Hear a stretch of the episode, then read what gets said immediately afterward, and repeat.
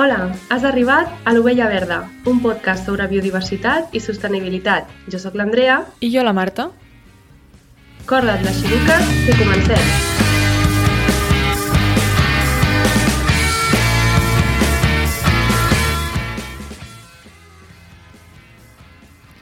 Aquest podcast pertany a la xarxa de podcast de ciència i medi ambient Podcastidae.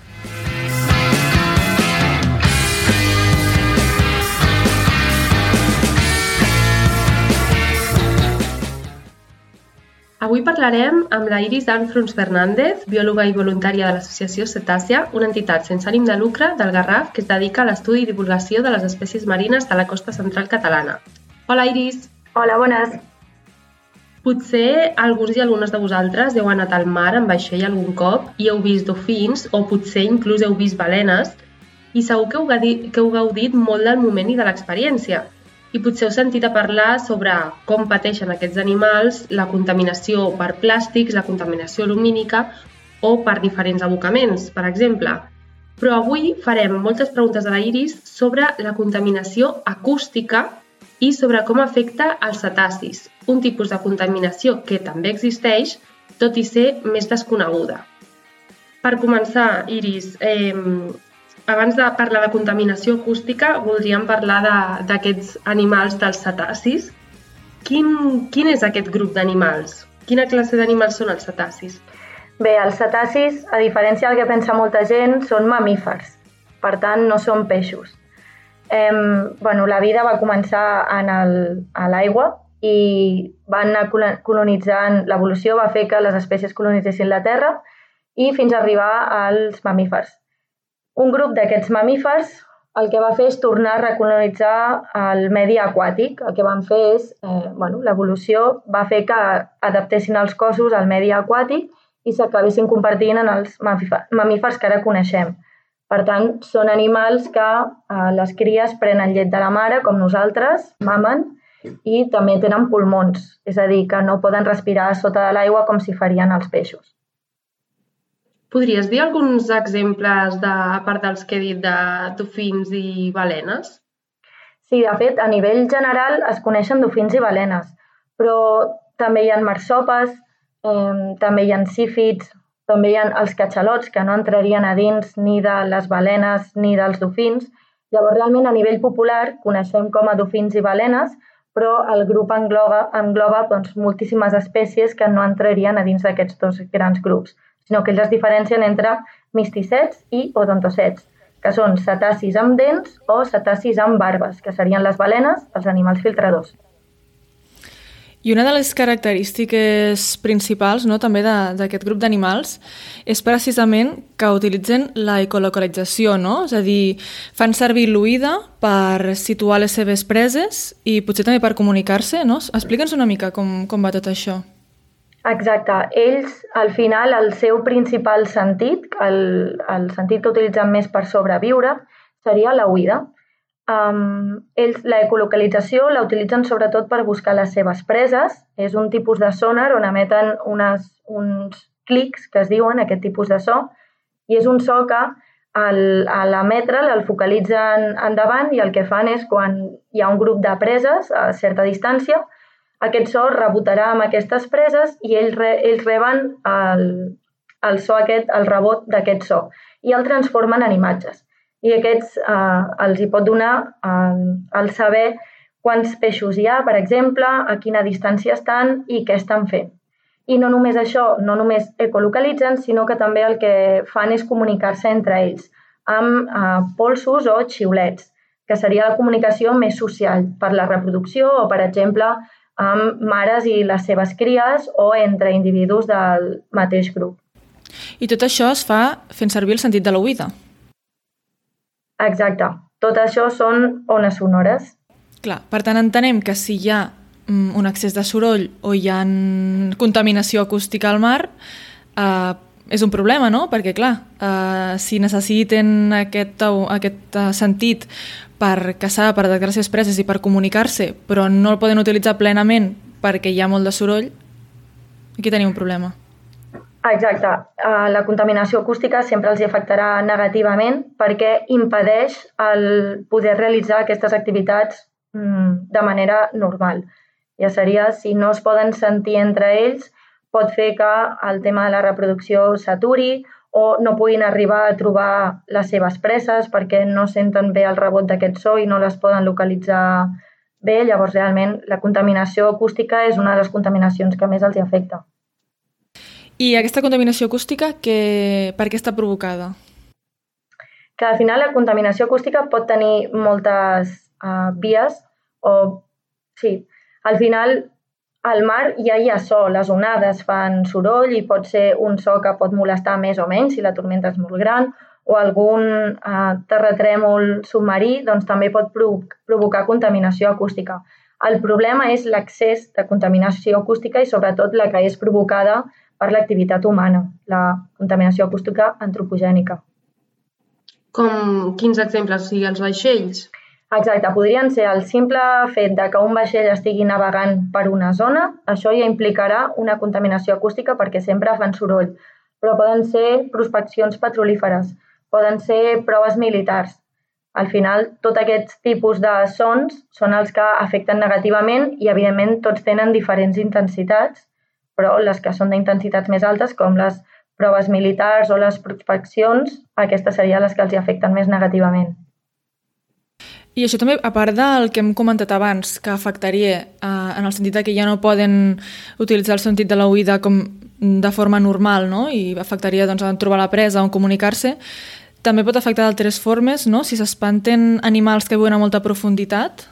Exacte. Pot haver-hi un problema aquí, oi? Sobretot aquesta contaminació acústica afecta més en aquells, com dius tu, que viuen a les grans profunditats, no és que hi visquin, és que troben les seves preses allà. Llavors passen molt de temps en aquestes apnees perquè ells estan aguantant la respiració i buscant les seves preses. Si ja imagineu-vos un exercici militar amb, amb zones. Llavors, aquest gran so el que pot fer és espantar aquestes espècies que estan en el fons marí. I el que provoca és que espantats pugin a superfície abans de temps. Mm, potser no, però alguns sabreu si, si heu bussejat alguna vegada el mal del submarinista, que al final és s'ha de fer una descompressió correcta. Tu no pots pujar, necessites els teus tempos per pujar a superfície i que el cos s'adapti a aquesta a disminució de, de pressió. Llavors amb els cetacis passa el mateix. Ells necessiten els seus tempos i el fet d'una prova militar, algun sonar eh, potent que els pugui espantar, de fet s'ha demostrat que hi han hagut eh, proves militars i als pocs dies han aparegut eh, avaraments de cetacis a les costes properes d'on s'havia fet la, la prova aquesta militar. I per posar un exemple, aquí al Mediterrani tenim problemes de contaminació acústica? Sí, de fet, pràcticament la contaminació acústica existeix a tot arreu, per desgràcia, perquè al final les poblacions estan més centrades, les poblacions mundials, les més nombroses, estan centrades a la costa aquí a Barcelona tenim el port més important d'Espanya. Per tant, implica que hi ha moltíssim tràfic marítim, sobretot de grans carguers. I això implica doncs, molta contaminació acústica en aquest sentit. I com afecta aquesta contaminació acústica als cetacis? Perquè matar-los eh, no els mata, no?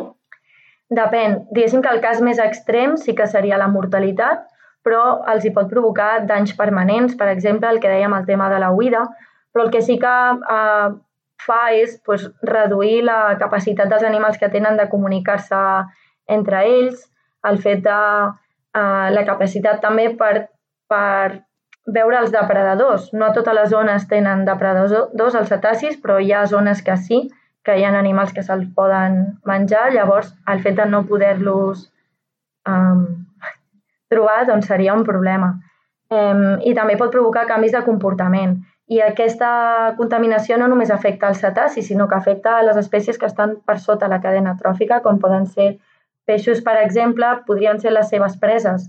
Si hi ha molt, un so molt fort en un lloc molt continuat, les seves preses podrien decidir buscar altres hàbitats on viure i això els afectaria amb ells perquè deixarien de trobar les seves preses i també haurien de canviar el seu hàbitat. Actualment s'està prenent alguna mesura per disminuir aquesta contaminació acústica i doncs, al final vetllar no, per la conservació d'aquests mamífers marins? Sí, però tot i així penso que és uh, insuficient.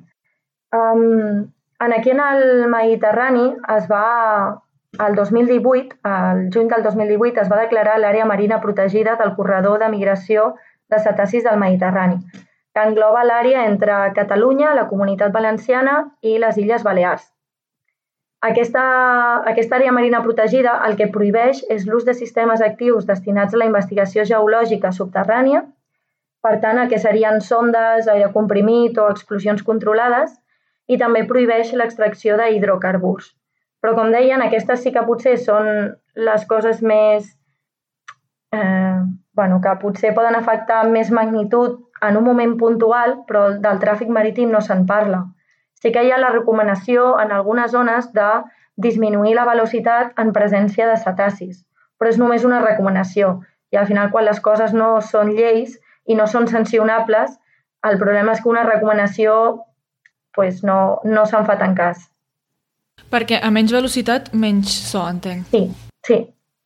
Sí, sempre que baixes el, la velocitat d'un vaixell, sempre hi haurà menys, menys soroll.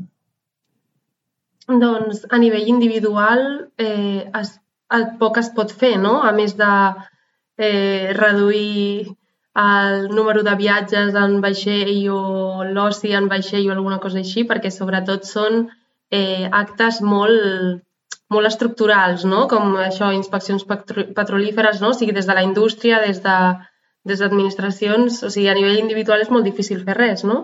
És molt difícil pel que dius, però bueno, també tenim l'opció de triar quins governants volem, no? I això mm -hmm, sí, sí que està a les nostres mans. Fer pressió social, uh, això sí que es pot fer i està a les nostres mans. Llavors, una miqueta sí tenim, tenim una miqueta de veu. Sí, més o menys és el que sempre diem, que a vegades eh, les accions individuals les que més compten són organitzar-se, que és una mica curiós, eh, perquè al final eh, si t'organitzes ja deixa, sembla que ja deixi de ser individual, però al final és, un, és una decisió individual que tu prens i si no pots, eh, si no tens temps d'organitzar-te amb, amb algun grup, sempre pots donar suport de diferents maneres, no? de divulgació o, de, o aportant recursos. Llavors, eh, tens tota la raó que votant és de votar, votar i organitzar-se és dels millors eh, poders individuals que tenim i esperem que, que aquesta situació de contaminació acústica que afecta els cetacis millori, tot, que tot en general millori. Eh, I moltes gràcies, Iris, per haver vingut a, a aquest episodi al nostre podcast de l'Ovella Verda. Eh, ens ha agradat molt convidar-te i espero que a tu també t'hagi agradat venir. I tant que sí, moltes gràcies a vosaltres per convidar-nos i per donar veu a tot això que al final és una problemàtica que afecta, per desgràcia, moltes espècies.